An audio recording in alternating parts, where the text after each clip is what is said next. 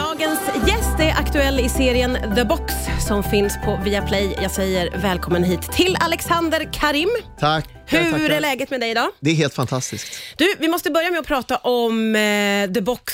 Eh, hur skulle du för, förklara den för någon som inte har sett den än? En klaustrofobisk vansinnesfärd in i galenskap. Väl, well put, Ja, jag, kom precis på det. Det lät som någonting som man har, man har förberett sådär. Men jag, nej, ja, ja.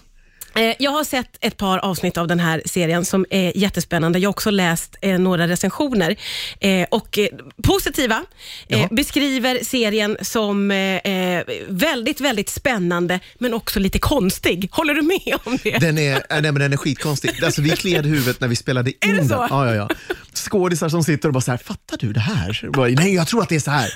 Man säger till folk, så här, jag vet precis vad det är, kom här jag ska förklara. Och sen så kommer Adi då, som skapade serien och säger, nej, det där är inte alls vad det är. Så måste man liksom, Spännande. Det måste vara väldigt roligt att jobba med en, en sån serie. fantastiskt roligt. Ja. Hur, hur var de här inspelningarna? För det, det är också speciellt ju att ni befinner er hela tiden på den här, lite som jag upplever, sjaskiga polisstationen. Mm. Eh, som tittare så blir det lite klaustrofobiskt eh, sådär. Hur var det att spela in det? Precis så. Eh, det, alltså det var Alice i Underlandet i det, i det, på det sättet att vi kom ju, den filmades på Cirkus i Stockholm. Och då kommer du ju in på den här platsen som annars är magisk. Det är ju Guldbaggegalan är där och man brukar ju komma in där för att ha kalas. Ja. Man har aldrig sett det nyktert helt enkelt. Nej. Jaha, fanns bara en dörr här, jag har alltid sett två.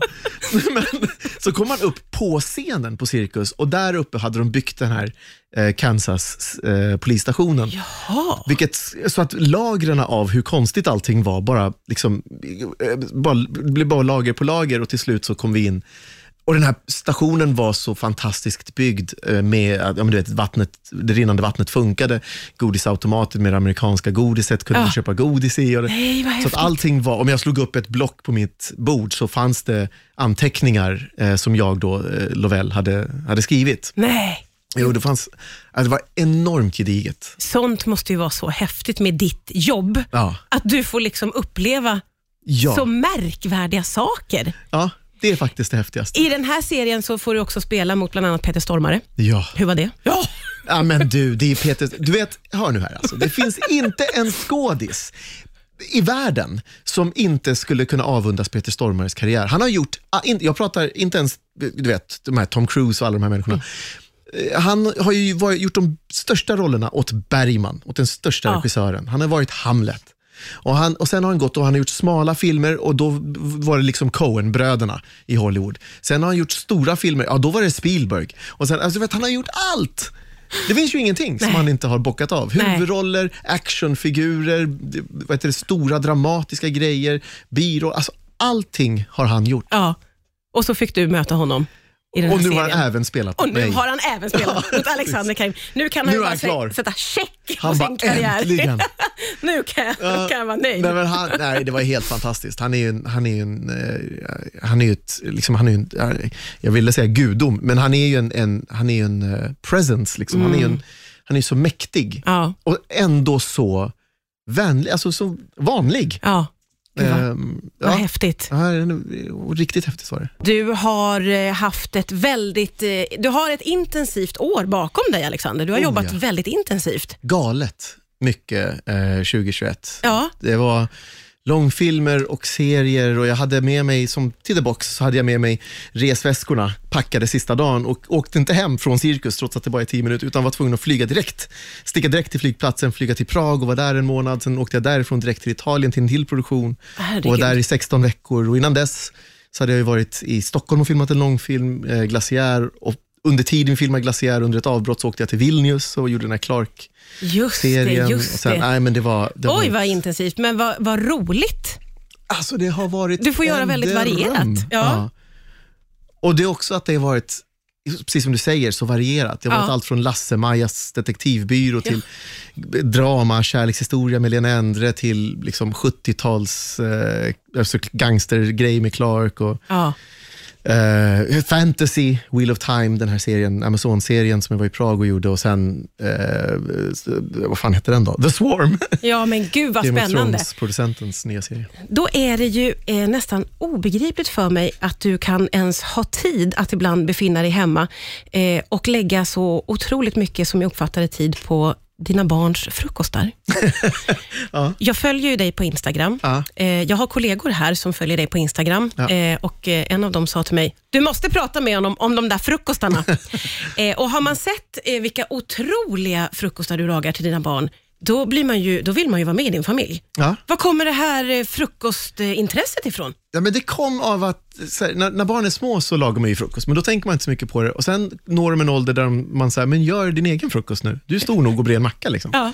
Men då är problemet att de brer ju bara en macka. De tar fram en, liksom, något ljust, svettigt bröd och så, så drar de på lite smör Ja. lite, så här, och sen så bara trycker de i sig det. Sen går de. Och man bara, Men du kommer, ju, du kommer ju vara döende till lunch.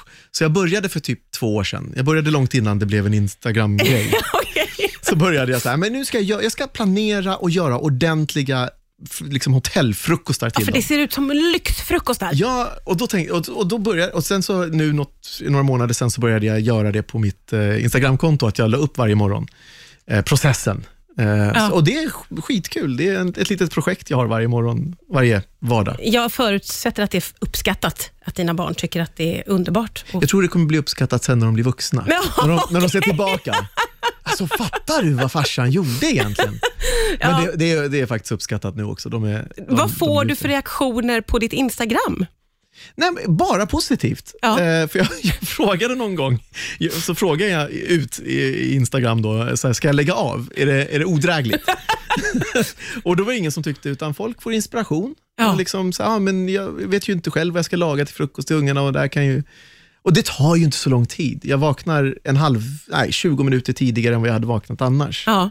Så att det, är inte, det är inte, och det kostar inte mycket pengar. Jag har ju bestämt mig för att det får inte kosta mer än 100 kronor per dag Åh, för alla fyra. För Ja. det är till min fru också. Hon ska Ja. ha en i Just sängen-bricka. Just det, just det. Eh, så att, och, jag har lagt upp det så att det är så här, ja, men jag, för man vill inte heller göra en frukost där folk bara säger, ja men tryffel, vad fan. nej, nej, nej. det kan man ju precis. inte, utan jag vill göra så här, men det här Ja, är faktiskt en kan överkomlig funka. budget för, eh, för många liksom, att lägga på en frukost. Otroligt spännande att du är både skådespelare och frukostinfluencer kan man säga också. Eh, men då har jag också uppmärksammat, i alla fall i perioder, att du själv bara dricker en kopp kaffe. Ja. Vid något tillfälle så har du sagt att det är inför någon roll. Ja. Och då tänker jag, undra hur mycket, alltså hur stor del av skådespelaryrket är det att liksom ändra sig fysiskt?